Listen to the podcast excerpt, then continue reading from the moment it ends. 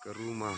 Kita bermalam di pinggir sungai Beginilah rekaman video amatir yang menampilkan sejumlah tim vaksinator COVID-19 di Kecamatan Tutar, Polewali Mandar tertahan menuju lokasi pelaksanaan vaksinasi karena sungai sedang meluap.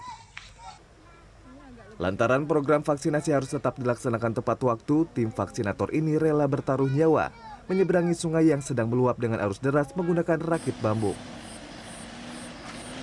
Selain harus menyeberangi sejumlah sungai, tim vaksinator juga harus melintasi jalan yang rusak parah.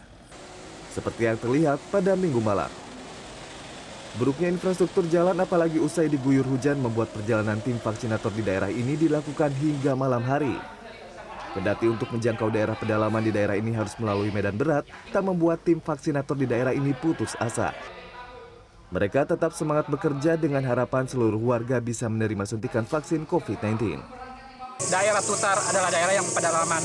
Luar biasa bahkan sampai kita sampai tengah malam jam 12 baru pulang. Tiba di puskesmas kita istirahat pagi lagi lanjut lagi. Apa sih yang jadi kendala dok? ya? Yang membuat tim ini selalu kesulitan terlambat pulang dan sebagainya. satu masyarakat.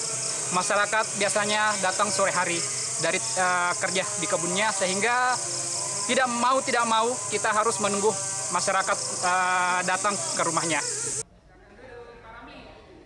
Meski harus bertaruh nyawa, tim vaksinator di daerah ini berharap warga memberikan dukungan.